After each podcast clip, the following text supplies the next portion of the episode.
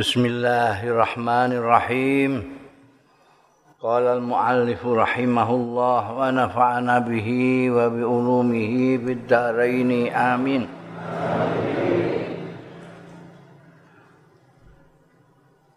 Babu akli riba itu ya. An Samurah bin Jundub radhiyallahu taala anhu qala ngendika sapa Samurah? Qala dawuh sapa Rasulullah sallallahu alaihi wasallam Ra'aitu al-lailata ningali sapa ingsun bengi iki rajulaini ing wong lanang loro. Atayani sing nekani ya loro mau ing ingsun fa akhrajani mongko ngetokake ya rajulaini mau ing ingsun ila ardin muqaddasatin maring bumi sing suci tanah yang suci.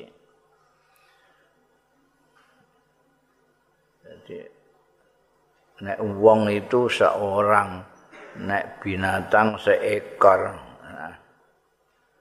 nek anu liyane sebuah nek malaikat itu sapa malaikat itu apa piye wong dari cahaya. Ning kene disebut rajulain iki sebetulnya malaikat itu, malaikat Jibril karo malaikat Mikail yang menemui Kanjeng Nabi Muhammad sallallahu alaihi wasallam. Ini disebut rajula ini karena malaikat itu bisa mendo-mendo wong. Ngetokake ingsun rajulen mau ing ingsun ila ardin muqaddasatin maring tanah sing suci. Fantolaka moko budalan iya rajulaini hatta ataina sehingga sampai kita ala nahrin ing atase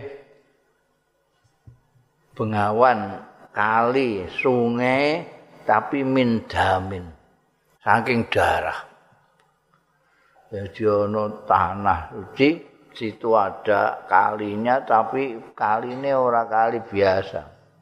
Merupakan sungai darah. Fihi kue dalam nahar di sungai tadi rajulun utawi wong lanang kok imun sing ngadeg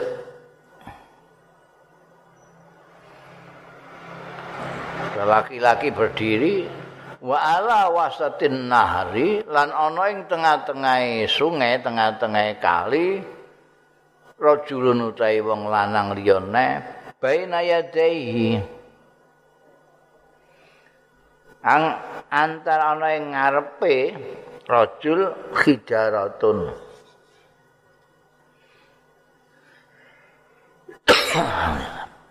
watu Fa'at balar rajulu mongko madhep sapa wong lanang allazi finnahri kang ana ing tengah-tengahe kali.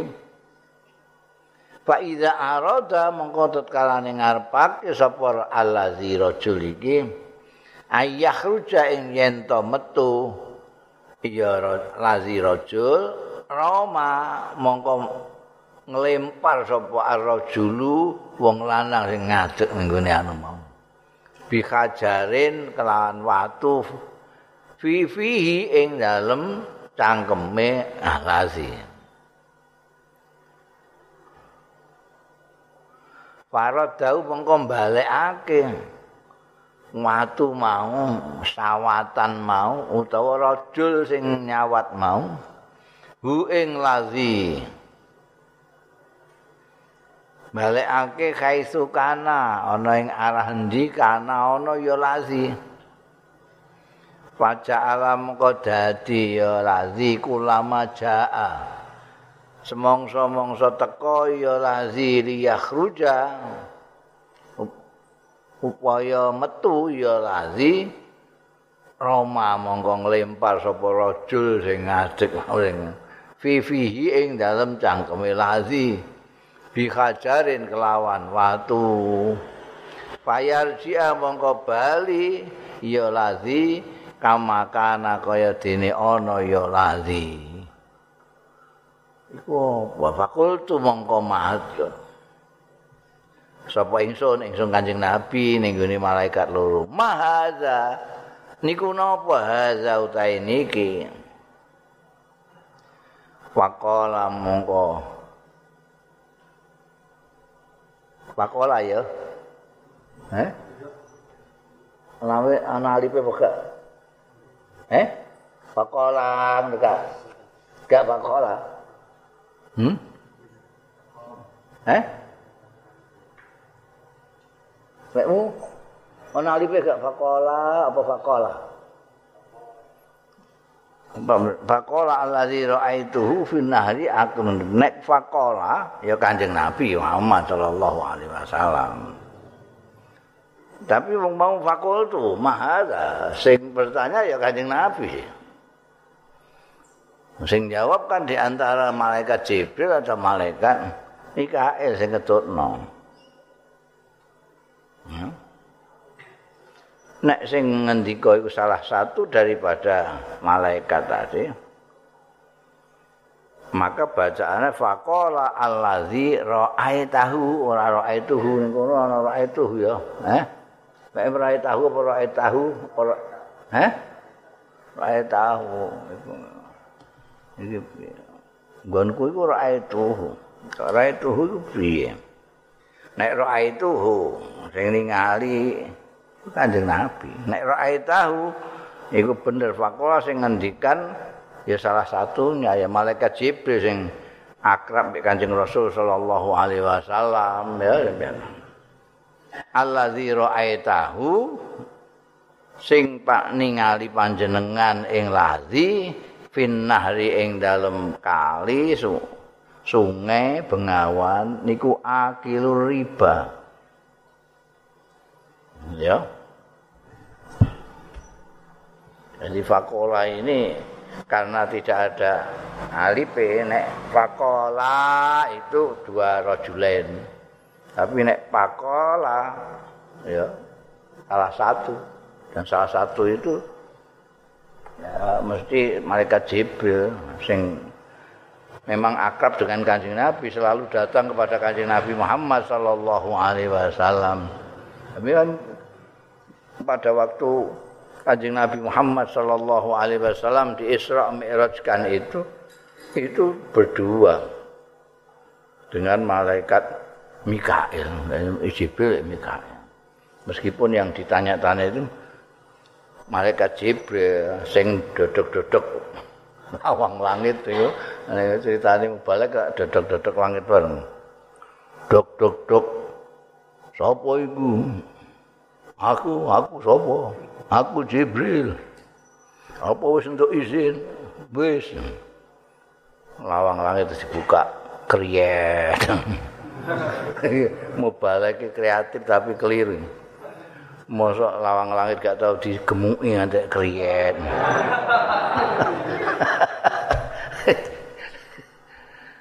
Iku jadi malaikat dua ini. Itu suatu ketika sampai kepada tanah suci tapi di sana ada sungai darah.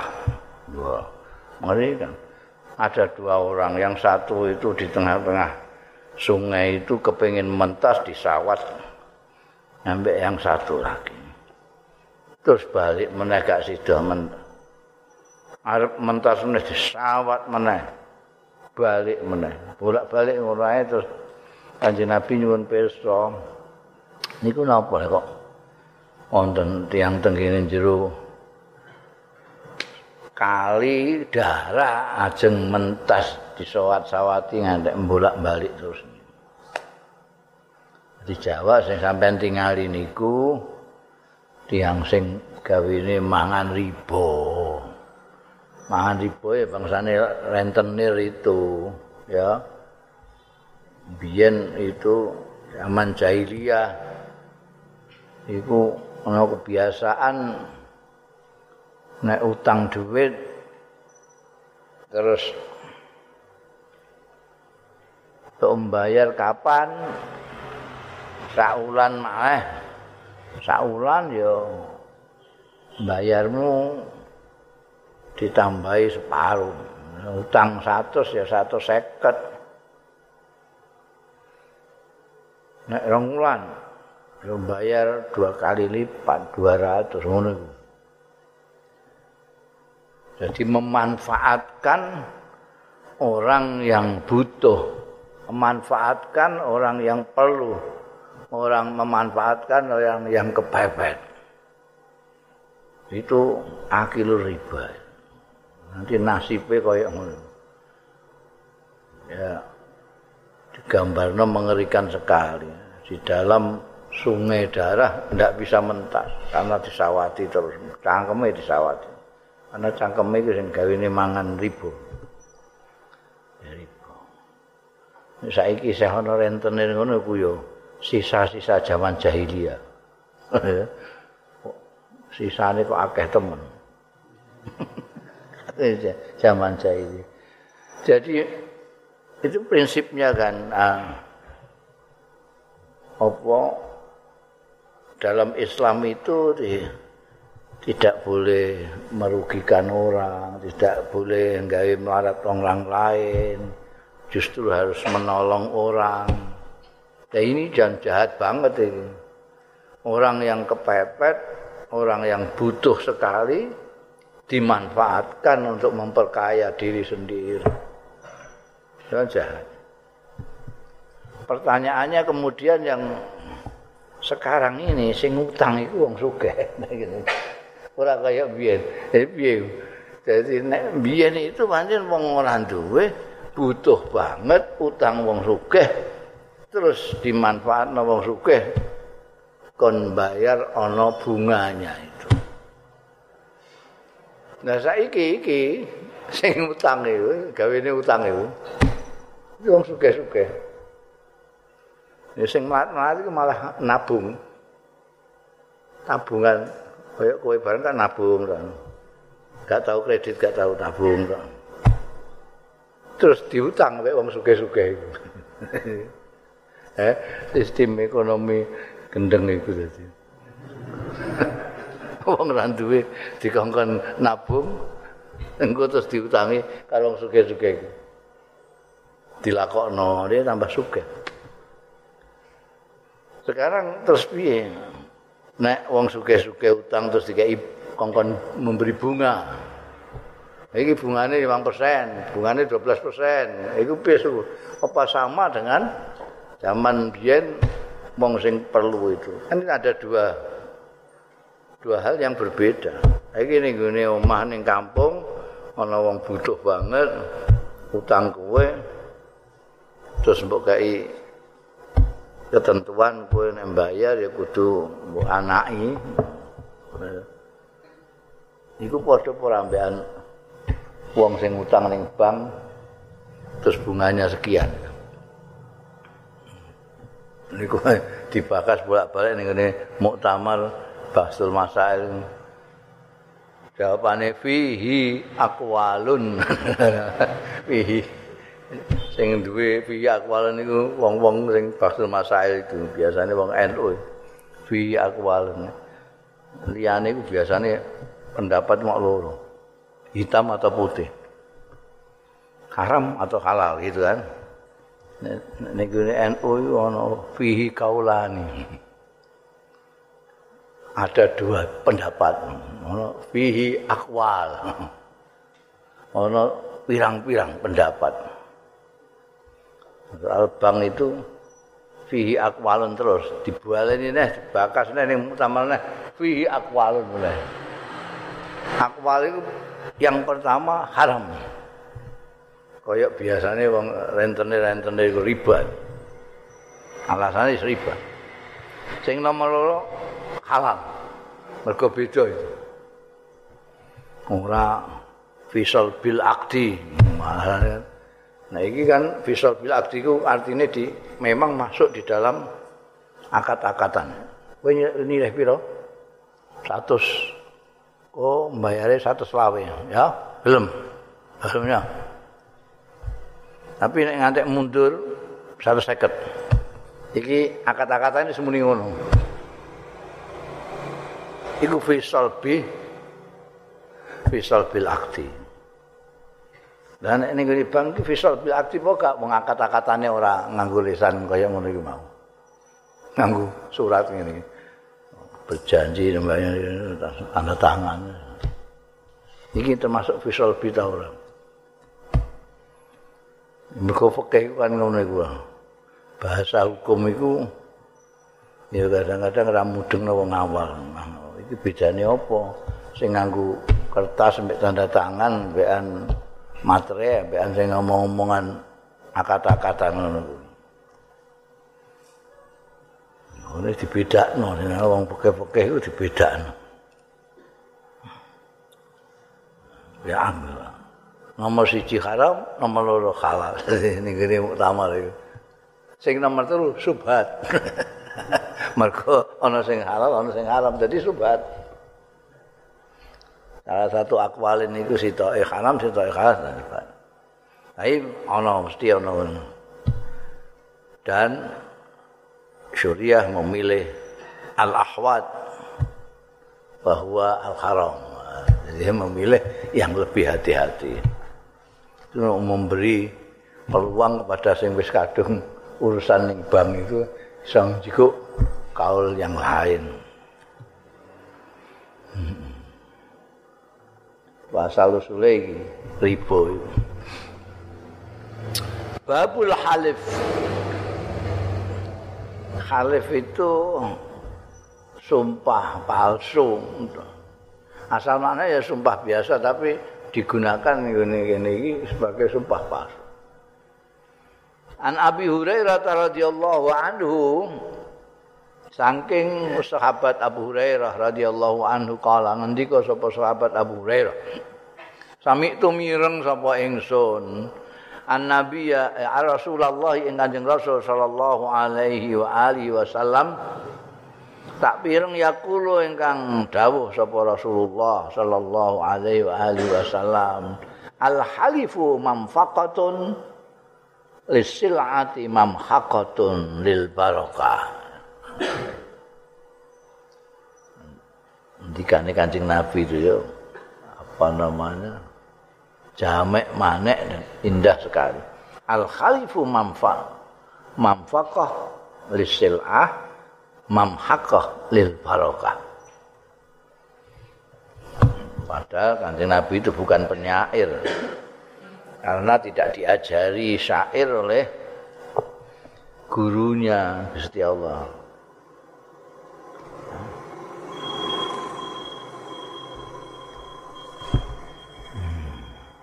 Tapi ini kan ini malah bisa al khalif mamfaqah lisil'ah mamhaqah lil barokah ya. Indahnya kan tidak kalah dengan syair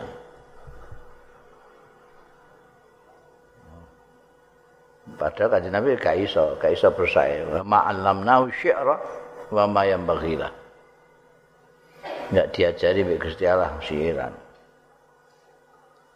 Ayo dasarnya yang fasih aja, iso gawe kata-kata. Al khalifu manfaqatun. Utawi sumpah pas sumpah. Jadi ora sumpah palsu ya sumpah tapi untuk kepentingan yang tidak benar. Al khalifu sumpah sing salah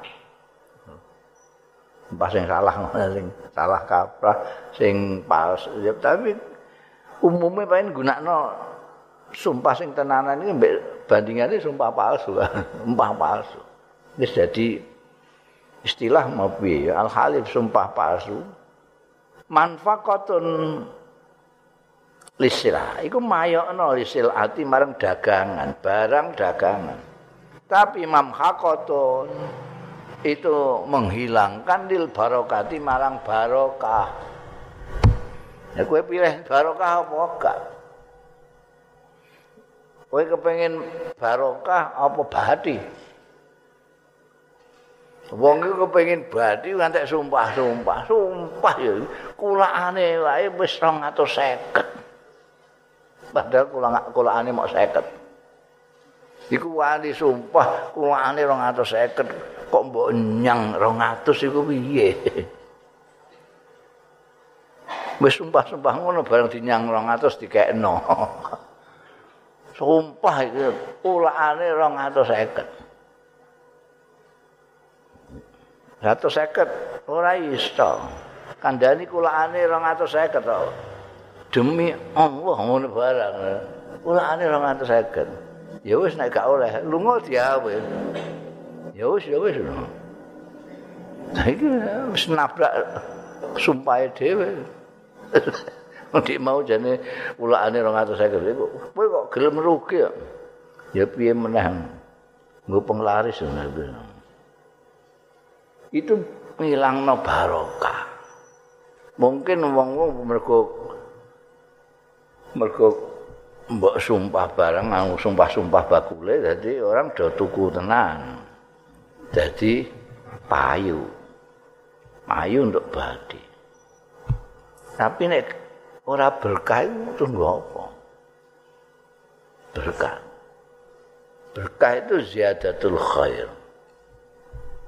Ini nek ana wong ku sing duwe dhuwit padha-padha duwe dhuwit 10.000 sing siji lha aku mau duwe 10.000 kok ning dia kok entek ana sing ngono iku gak iki rumoso gak gak membelanjakan uang 10.000 kok entek iki dhuwit gak barokah ana sing wis tuku soto, ngopi, ngudut barang duit kok isih ae.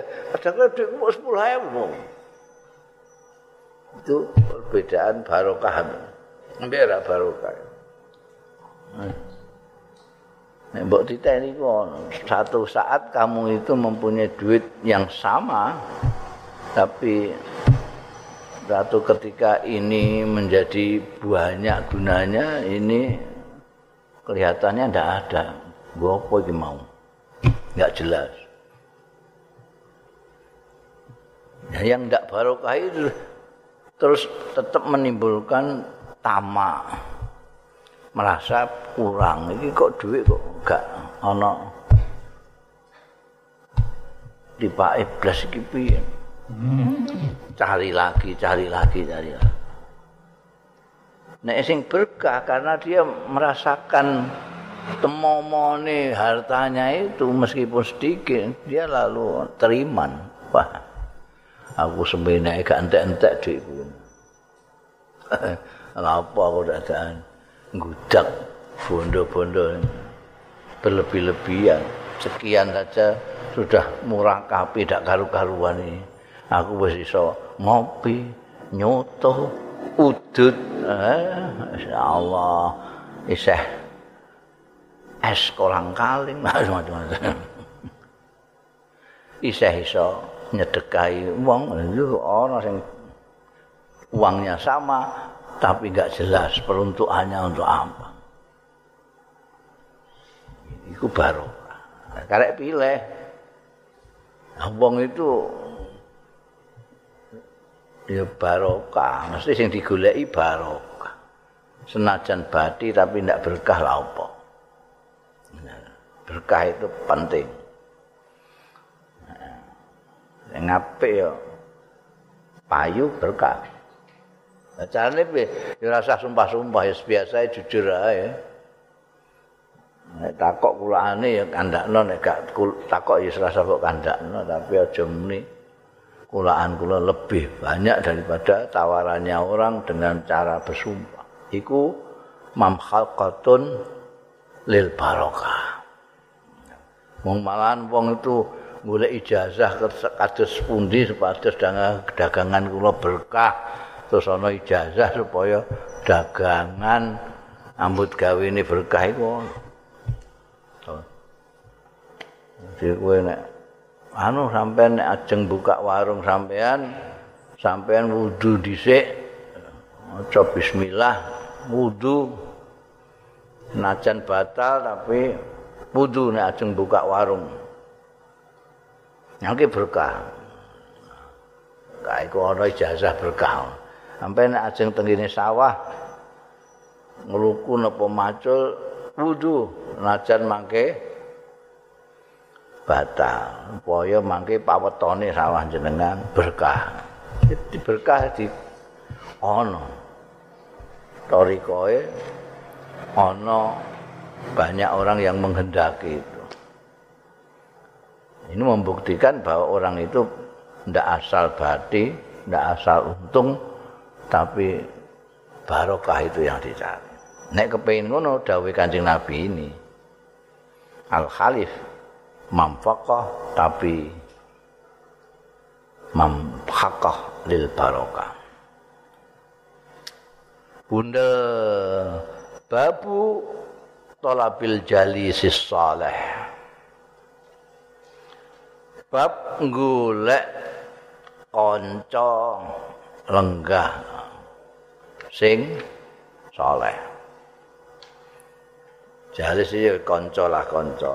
Gawene lenggahan bareng ngobrol bareng ngopi bareng bangsane ngono iku jalis itu.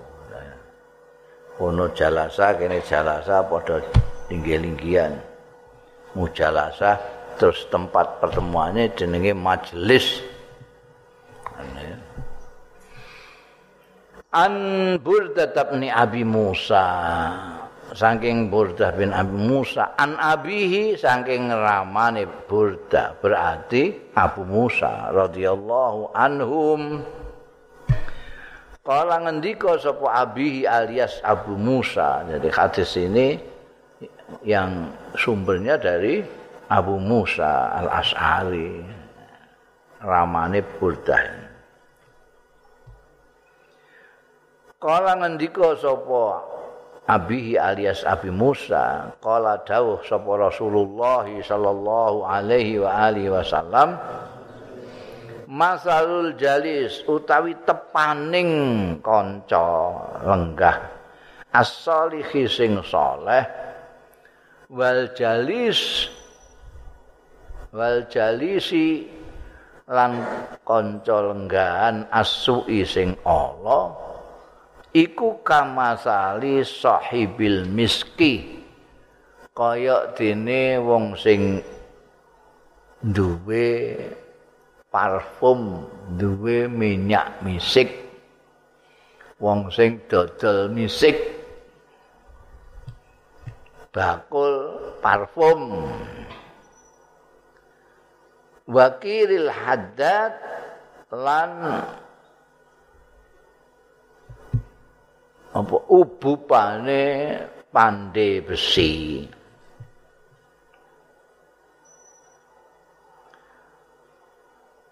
La ya'damuka ora lepas ing sira min sahibil miski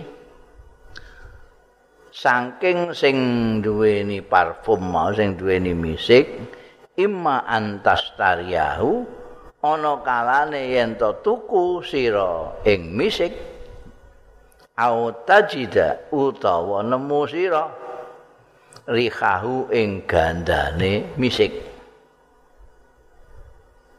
Wakirul hangdat utai ubupane pande besi, ubupan iku sing dienggo ngurupno. Apa jenenge geni itu lho.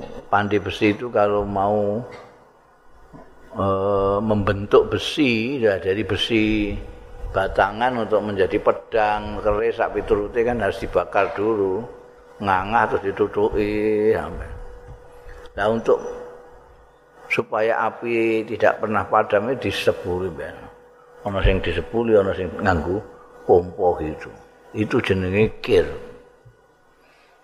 Ya. Iku iso yahliku badanaka.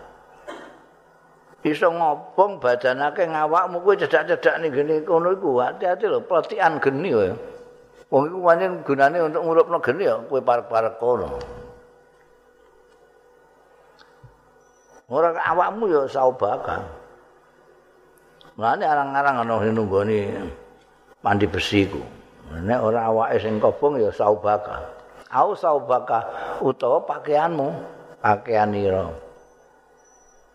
Nek ora pakaianmu, ora badanmu, au tajida minhu, ta nemu sira minhu saking kil haddad nemu rihan khabisatan ing gondo sing ora enak sing badhek. Oh, ambune ora enak. geni gosong di apung itu. Oh, itu metafora kanjeng Nabi Muhammad Sallallahu Alaihi Wasallam karena memang ya, ya guru ini Gusti Allah. Quran itu kan banyak juga metafora-metafora untuk menjelaskan sesuatu itu cetok banget menjadi visual itu. Jadi ketok itu kamasalil kamasalil kan pirang-pirang ini juga kanjeng Nabi Muhammad Shallallahu Alaihi Wasallam ketika membicarakan kawan dekat kawin ini dijak ngopi bareng lungguan bareng ngobrol bareng. Ini kamu harus pilih-pilih jangan sembarangan. Sebab ada kawan itu yang baik ada kawan yang buruk. Kawan baik itu kawan yang menyebabkan kamu menjadi baik. Kawan buruk itu yang mempengaruhi kamu jadi buruk Wah asalnya biasa-biasa barang dia kumpul dia kamu jadi semangat mereka delok nyawang di ini rajin deres ngono Jadi kumpul itu terus kowe rada sasen sithik nyawang ndine itu. Nggo iku isih ndres ae. Kowe turu tangi turu lho kok isih ndres ae. Wis katut kowe. Eh nek kancamu terus turu terus ya. janji kowe wayar ndres dhek turu. Baranu dhek turu nek. Wis ya kowe melok-melok turu.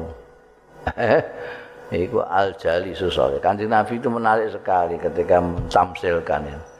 Orang yang punya kawan yang baik, yang jali susole, itu kayak orang dekat dengan penjual parfum. Berdekatan terus ambek tukang parfum itu atau kamu membelinya. tidak lepas dari kamu atau kamu membelinya atau mau jajali tok. Kan?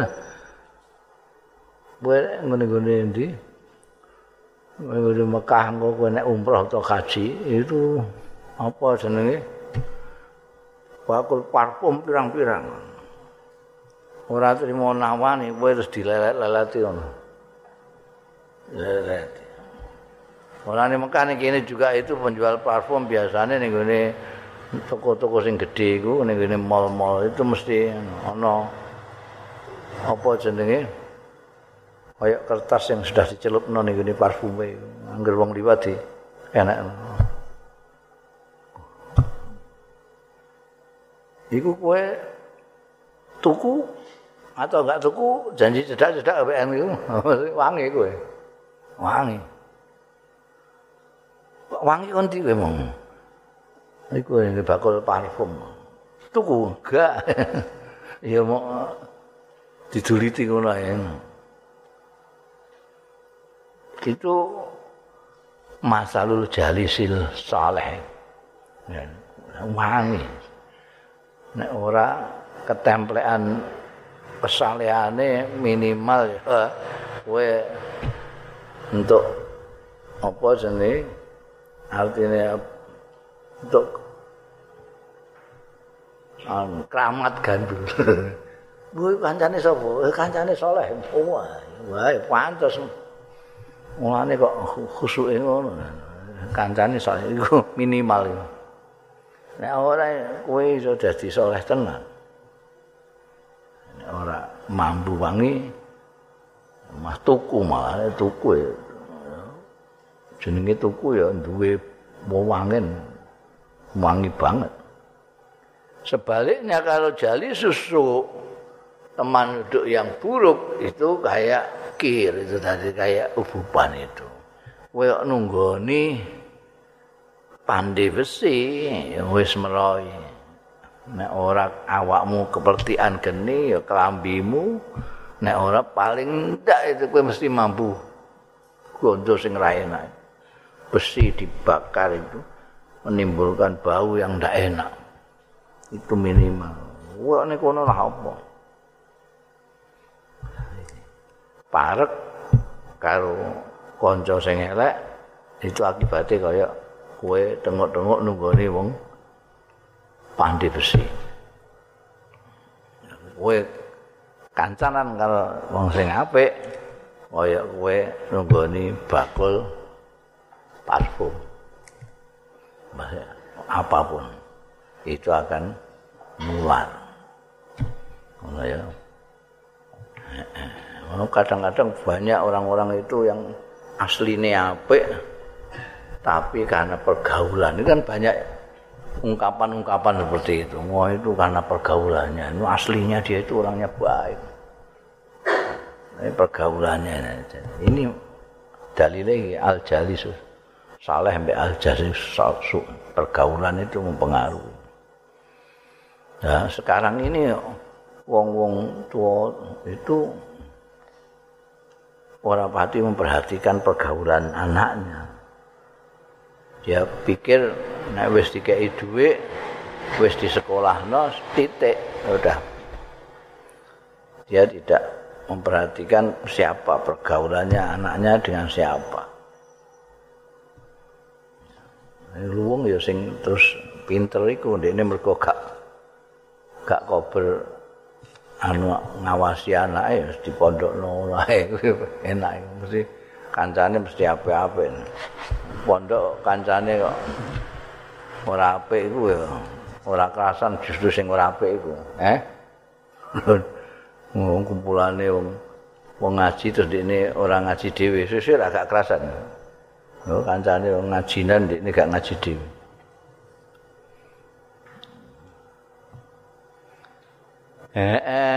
Samratul amalil khalis lillahi subhanahu wa ta'ala. Buah. Samrah itu buah, maknanya ya pancen buah. Wah. Cara jawane wah. Wae ngamal sing murni lillahi anggo Gusti Allah subhanahu wa ta'ala. Jadi ngamal itu ada yang karena semata-mata murni untuk Allah Ta'ala ada yang tidak. Ada yang setengah-setengah. Eh ono sih setengah-setengah setengah lillahi ta'ala itu ono. Setengah lillahi ta'ala. Ya orang kaya pidato ngimami mbak itu kan lillahi ta'ala. Wong muni inna sholati wa nusuki lillahi ta'ala tapi ketika ana watuke maratuwa terus emeh muni inna a'taina terus dadi sabihis marabbikal ladzi khalaq itu kan terus ngeleweng ini. Ini gak murni lillahi ini. Ndak khalis lillahi ta'ala. Karena ada campuran-campuran itu ana sing sama sekali yurauna annasa. Iku orang-orang munafik itu memang sama sekali tidak ada bagian untuk Allah taala. Untuk dirinya sendiri yuraunan nas sehingga ada barokahnya ngamal tidak ada ganjaran itu yang ora krana Gusti Allah kok njaluk ganjaran Gusti Allah? Ya aneh wong aneh. Wong kowe nyambut gawe ora ambek Gusti Allah kok njaluk honor kok Gusti Allah? Itu ya aneh kuwi ya njaluk sing untuk apa kamu kerja itu? Untuk maratuamu kono njaluk maratuamu ganjaran iku. Nah, ini sekarang ini hadis tentang buahnya orang yang beramal murni untuk Allah. Tidak ada untuk siapa pun juga. An Ibni Umar saking sahabat Mas dadi sumber sumber hadis iki saka sahabat Abdullah bin Umar radhiyallahu anhu Abdullah bin Umar bin Khattab anin nabi saking kancing nabi sallallahu taala alaihi wa alihi wasallam. Kala ngendika sapa kancing nabi sallallahu alaihi wa alihi wasallam? Kharaja salah satun. Metu sapa salah satun wong telu. Ada tiga orang keluar yamsuna mlaku ya salasah mau faso bahumul matar. Mongko ngeneki ing salasah apa al mataru udan? Kudanan wong telu iki mau. Lagi mlaku kudanan karo-karuan udane deres. Fadakhalu mongko mlebu ya salasah fi gharin ing dalem suwijining guwa. Fi gharin ing dalem suwijining guwa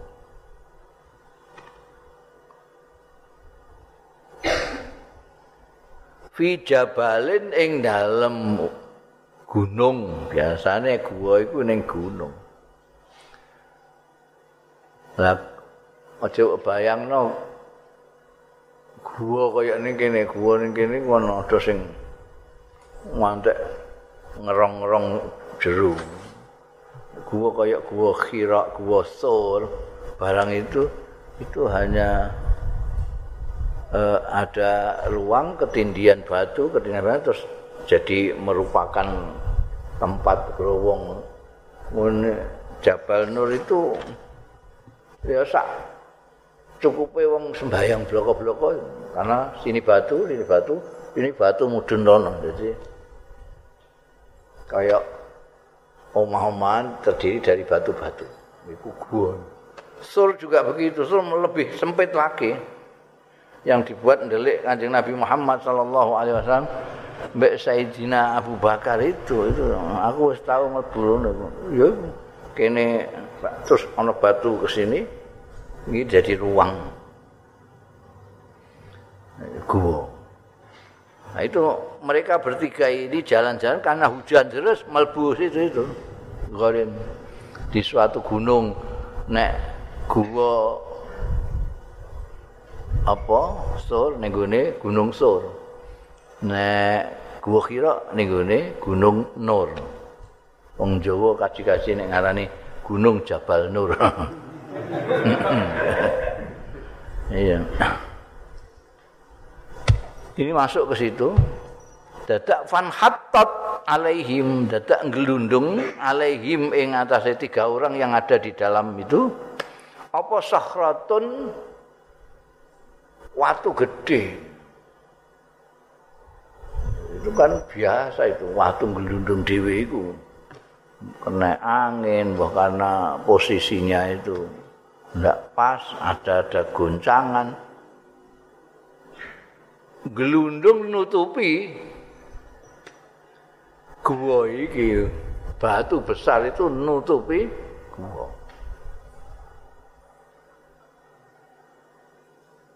kala ngendika sapa Kanjeng Nabi sallallahu alaihi wasallam. Faqala ba'duhum. Mongko ngucap sapa ba'duhum li ba'din. Ngucap sapa sebagian salah sah li ba'din marang sebagian yang lain.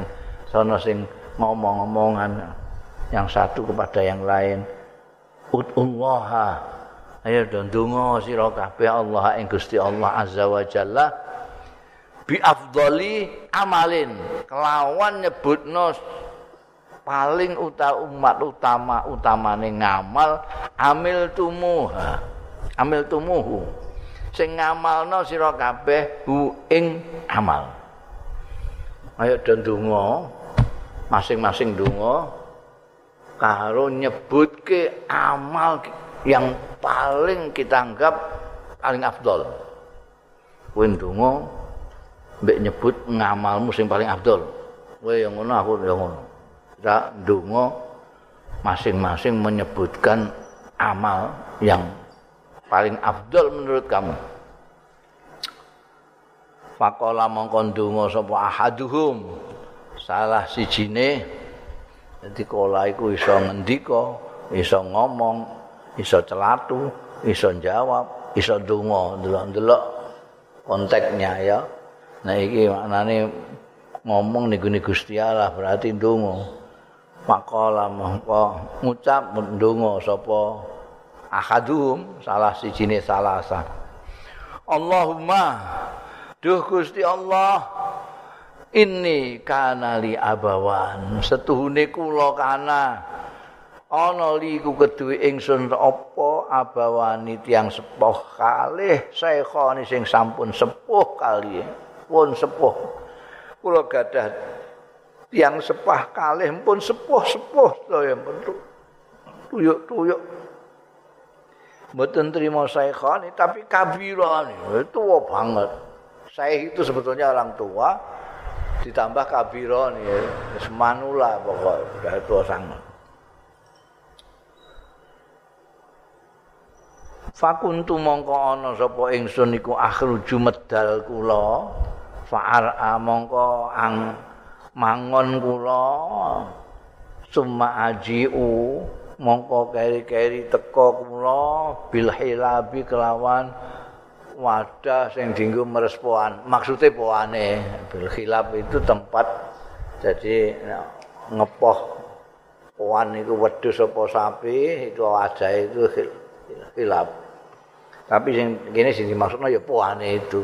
Saya datang, saya keluar ngopeni ternak terus meres poan tak go. Ana wong Arab itu makan kalau tidak makan daging ya minum susu. Dua ini apa sini tambah kurma itu vital itu. Nah, kalau kita ya makannya beras.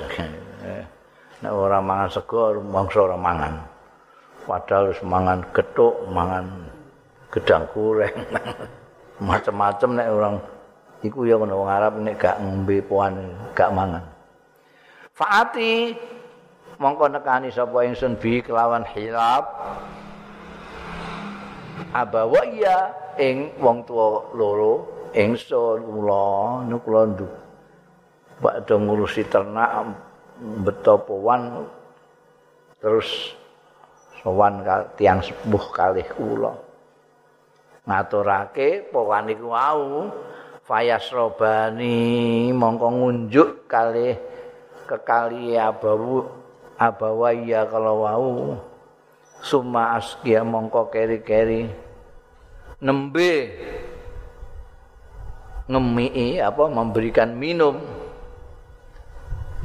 Ombeni kula asib biata ing anak-anak kula wa ahli lan keluarga kula wa imraatilan bojo kula Jadi duwe bojo, duwe anak, duwe keluarga, tapi nek merah poan itu tidak langsung dibawa ke rumah, tapi ke orang tuanya dulu, yang dua, yang tua-tua ini.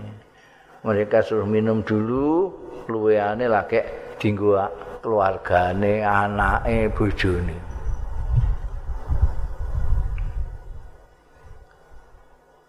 Fahtabastu mongko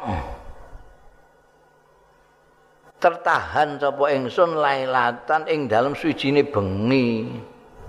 Fajik tu mongko teka sapa kula dugi kula faizan huma monggo dumadaan huma utawi abawaya naimani sampun sare kali-kali.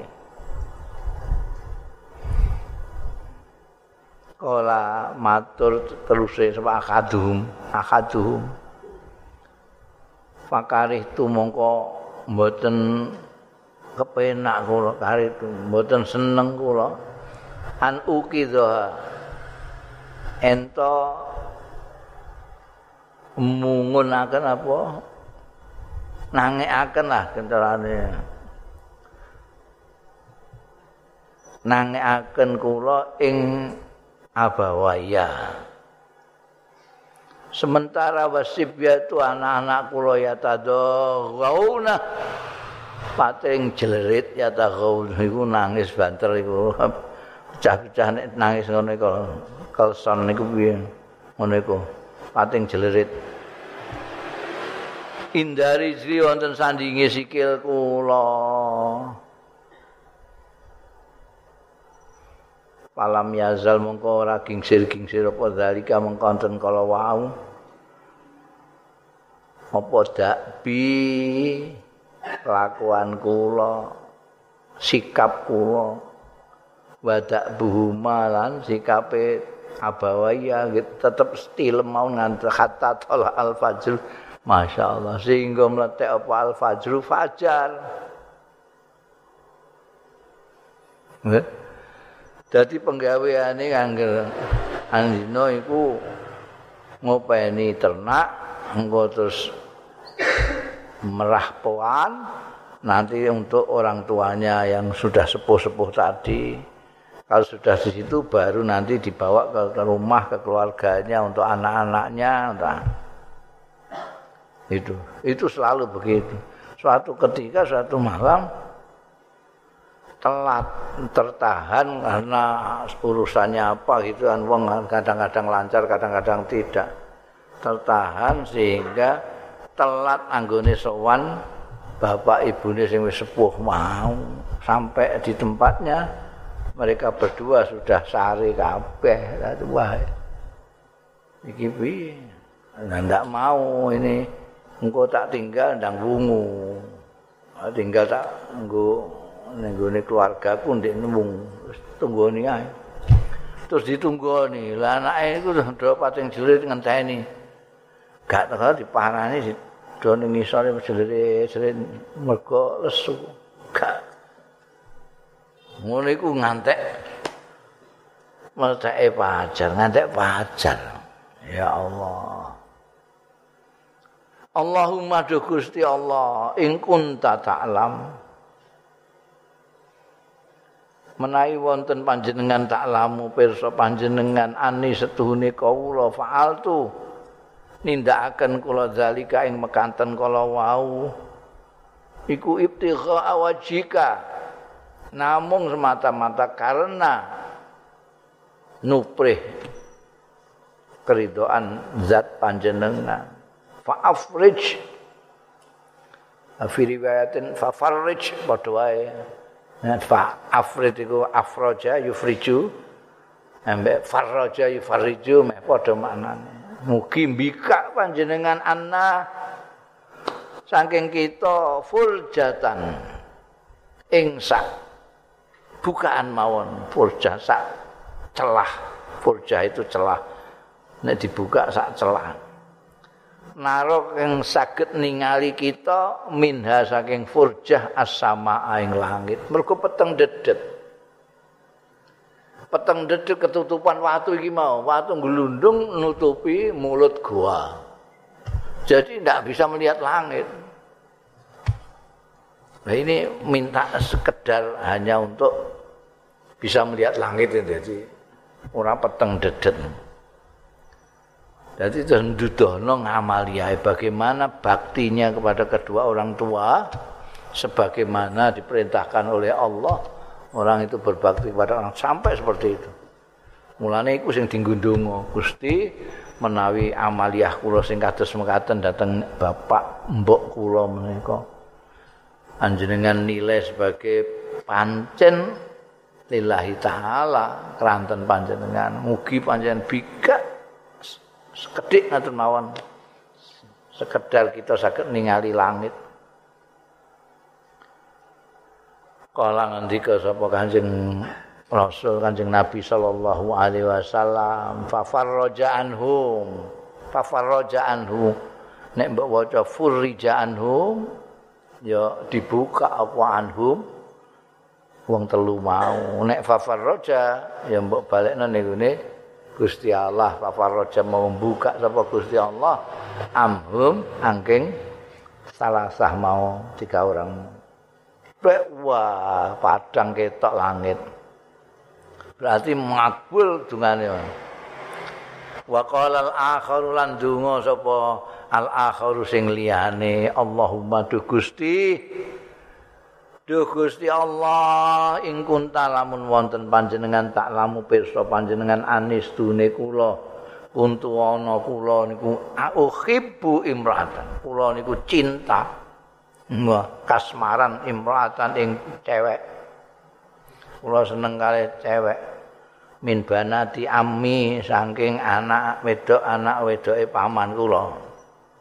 Biasane wong Arab iku sing dicintai ku anake paman. Banatu am. Anake paman kula. ka asad dima yuhibbu kaya luweh nemen-nemene barang yuhibbu kang demen sapa rajul wong lanang anisa ngono itu wah kok kasmaran pokoke ngebet kalih niku wis kaya wong lanang nek ndelok wong wedok ngoten kok nemen malih Faqalat. Tapi anake paman kula niku ngucap la tanalu zalik. Ora iso kowe ngentukno aku tanalu ku ora entuk iso ora ngentukno sira zalika ing mengkono-mengkono. Kepingine kan piye ngono emeh apa ora iso Atanalu zalika minha Ana urusane minha. Terus ning di minha.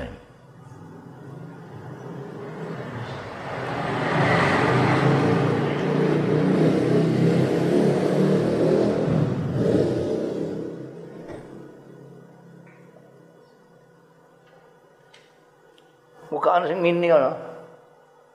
Eh? Minha kabeh. Iku ya minha. ya kok minha itu. Oh, tanalu dalika kok minha. Sing muni dikne dhewe faqalat faqalat la tanalu dalika. Rasakno iku rasakno. Dadi wong lanang iki ngebet banget, Bek. Manake paman iku. Wah, manake paman iku wayu. Dadi mebet pengen ngampung apa pengen apa lah pokoke. Eh ora iso lantana lu, gak iso kowe. Nek ayo. Ora bisa kowe mendapatkan minda. Minda kan nek mini aku kowe ora iso mendapatkan saya ndak bisa. Lah ya. Kok delok ning Nanti ini gue Bukhari ini apa nih Riyadus Salihin ini wah mesti ono itu. Omin hai ku tulisi pinggiran ini Omin hai fi nazar. Fi hada nazar mereka sing ngomong iki ya sing wedok iku faqalat la tanalu zalik la min haiku ya wong wedok iku. Piye to? Sing ngomong dekne kok muni latanalu dzalika minha? Kamu tidak akan bisa mendapatkan dia. Kan kan mesti mendapatkan saya toh wong sing diuber-uber dekne ya gak iso. Kata tuh tiana sehingga menehi sira ing kita mi'ata dinarin ing 100 dinar. Wah, 100 dinar. Dinar itu duit emas.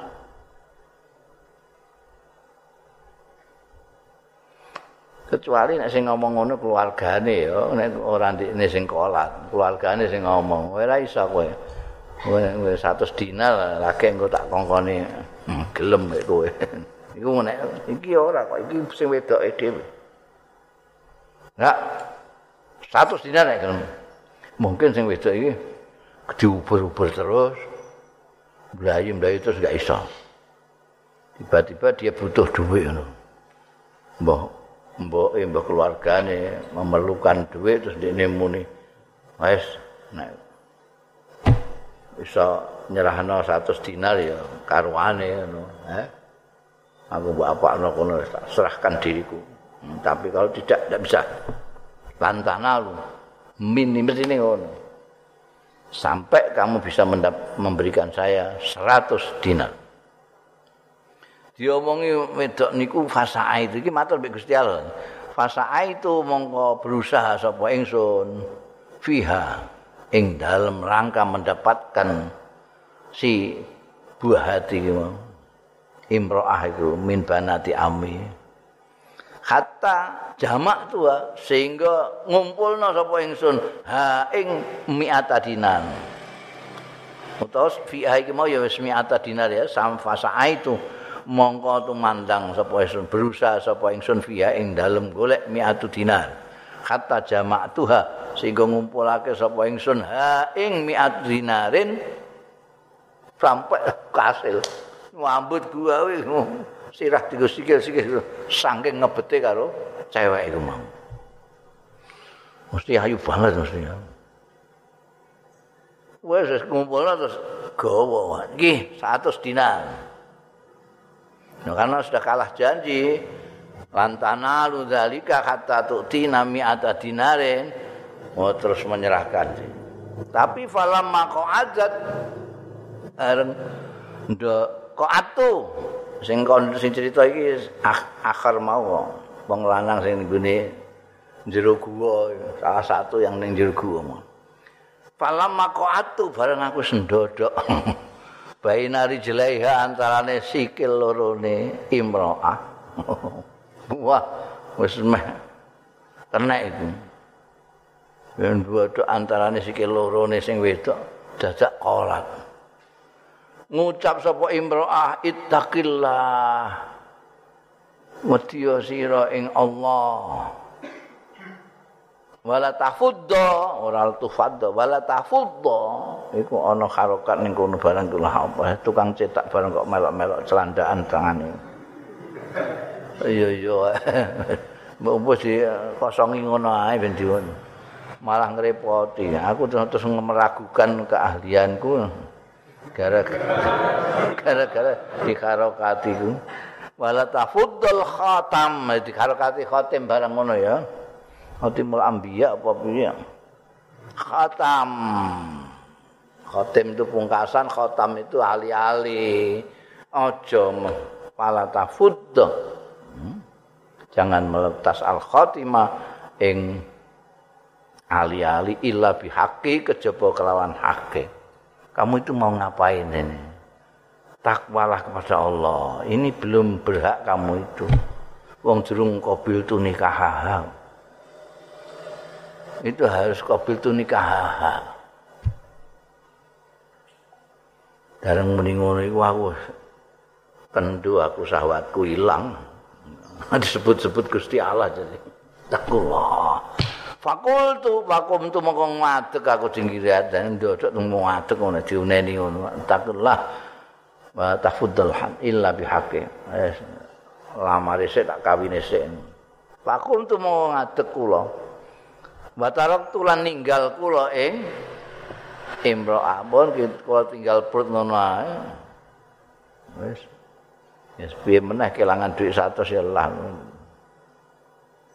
Paing kunta mesti kei dhuwit kari-kari nolak ya aluse ngono itakillah wala tahuddal hatam illa bihaqqi.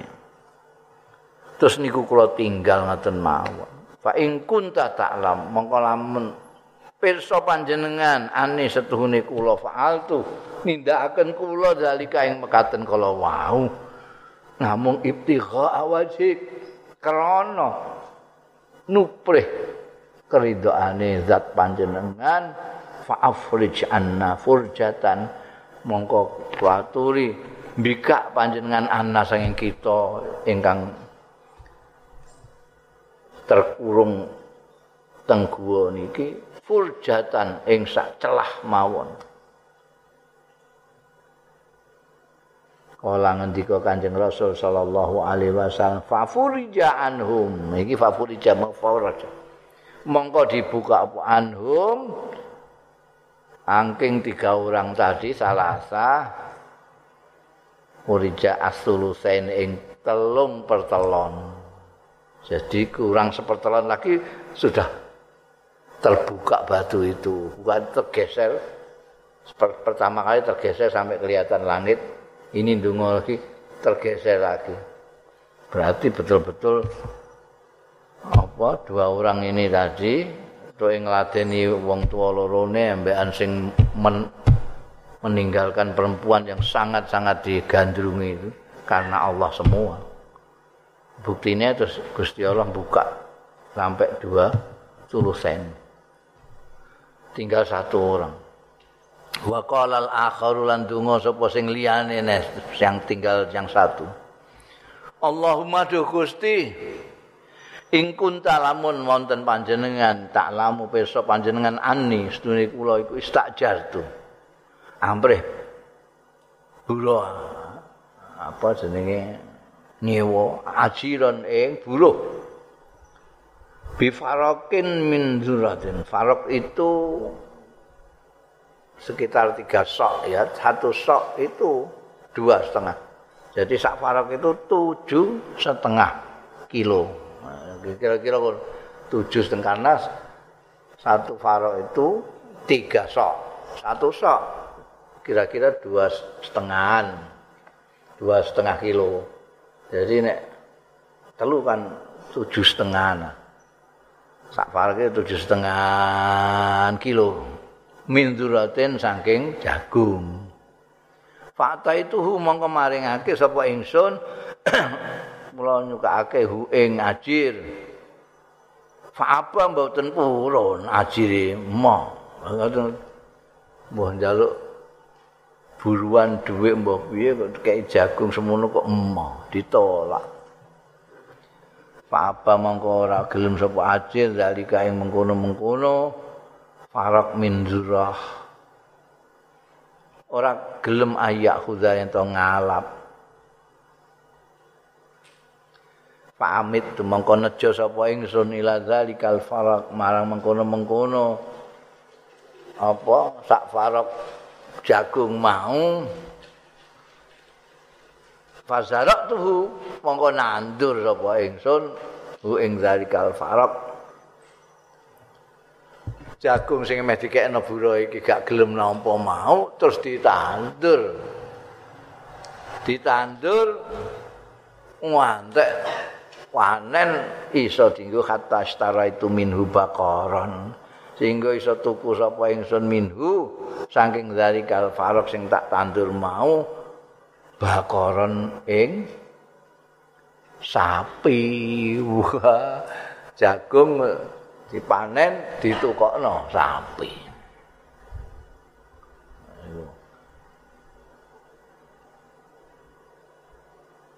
Ora trimo bakoran mbaro iha. Eh? Sak pangone bakor sisan. Berarti tuku sing larang roine iku kan tuku budak iku. Budak sing dinggo angon sapi. Ora mau. Berarti wong pancen tujuh setengah kilo ditandur kabeh diijil. Wakih ngantek. Iso dinggo tuku sapi sak sing ngangon sisan. Hmm. bareng wis ngono pirang-pirang iki pirang-pirang wulan iki wis ngantek di panen ngantek didol ngantek iso tuku sapi barang ngono suwi. Dadak teko sumajaa. Mongko kali-kali teko sapa ajil. Faqala mongko ngucap sapa ajil. Ya Abdullah eh hambane Gusti Allah kawalan Gusti Allah aktini saiki gorene aktini menehno sira ing ingsun haki ing hak ingsun. Buruanku gorene. Jadi ini jarine gak gelem tak kei buruan konoan. Saiki wis dadi sapi anu teko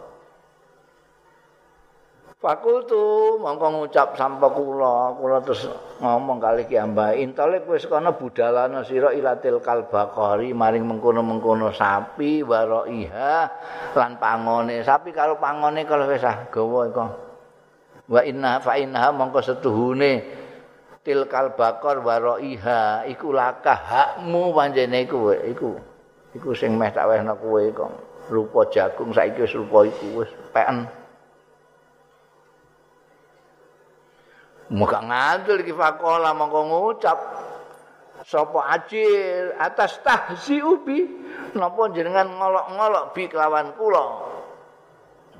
Oh nyambut gawe semanten mawon kok sampean kei sapi sak pangole niku sampean ngledek kula. Ngolok-ngolok kula. Ngeguyu kula.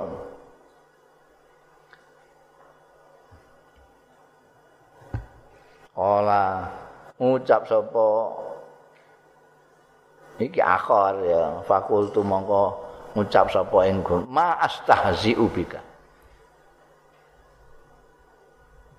ora aku ora ngledek ora geguyu ora ngolok-ngolok bika kelawan sira. Walakin ha angin tetapi ini ha. Tilkal bakar waro iha iku pancen lakah hakmu pancen mbekmu. Aku gak guyon Ngono Jadi buroane ora gelem nampa terus di apa? Dijalakno ditandur ngantek rupa bakar baro iha. Diwehno ajire iku mau buroe mau. Allahumma do Gusti Allah ing menawi wonten panjenengan taklamu pirsa panjenengan anis tuni kula faal tu nindakaken kula zalika ing mekaten kala wau dateng buruh kula. Semata-mata ibtigha awajika krana nuprih nuprih ridhone zat panjenengan piyambak. Fa'afrij anna mau kula aturi bika panjenengan anna saking kita. Fakusifa. Saiki orang mau valid karena itu fakusifa mongko didedahkan dibuka sama sekali. Anhum apa anhum? Salah sah mau. Saking apa jenenge? E, murnine donga-donga mereka amaliyah mereka itu dinilai oleh Allah Subhanahu wa taala khalisan lillahi taala hanya untuk semata Gusti Allah bukan karena apa-apa dan itu menjadikan dungane makbul ya.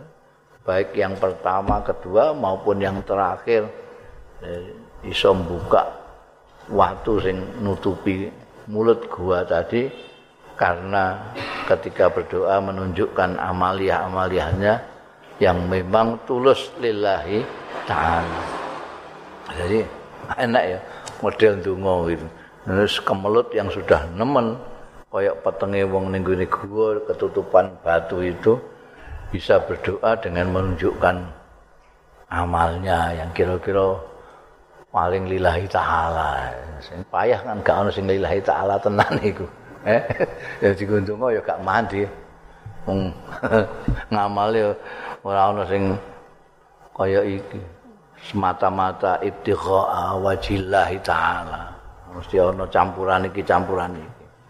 Kowe nek duwe ngamal sing kaya iki artine sing semata-mata itu kan dahsyat itu lamanya pengabdiannya kepada kedua orang tuanya itu juga luar biasa sampai begitu. Ngalah no anaknya ngalah no bujune dan itu lillahi ta'ala. Si itu sudah ngebet gak karu-karuan wedoan bisa meninggalkan perempuan itu. Lillahi ta'ala. Itu berat kabeh. Si to'e juga gitu. Nyambut gawe sampai panen ha? untuk kepentingan hae buroe ora untuk kepentingannya sendiri. Bunda Sayyidina Ibrahim Allahu a'lam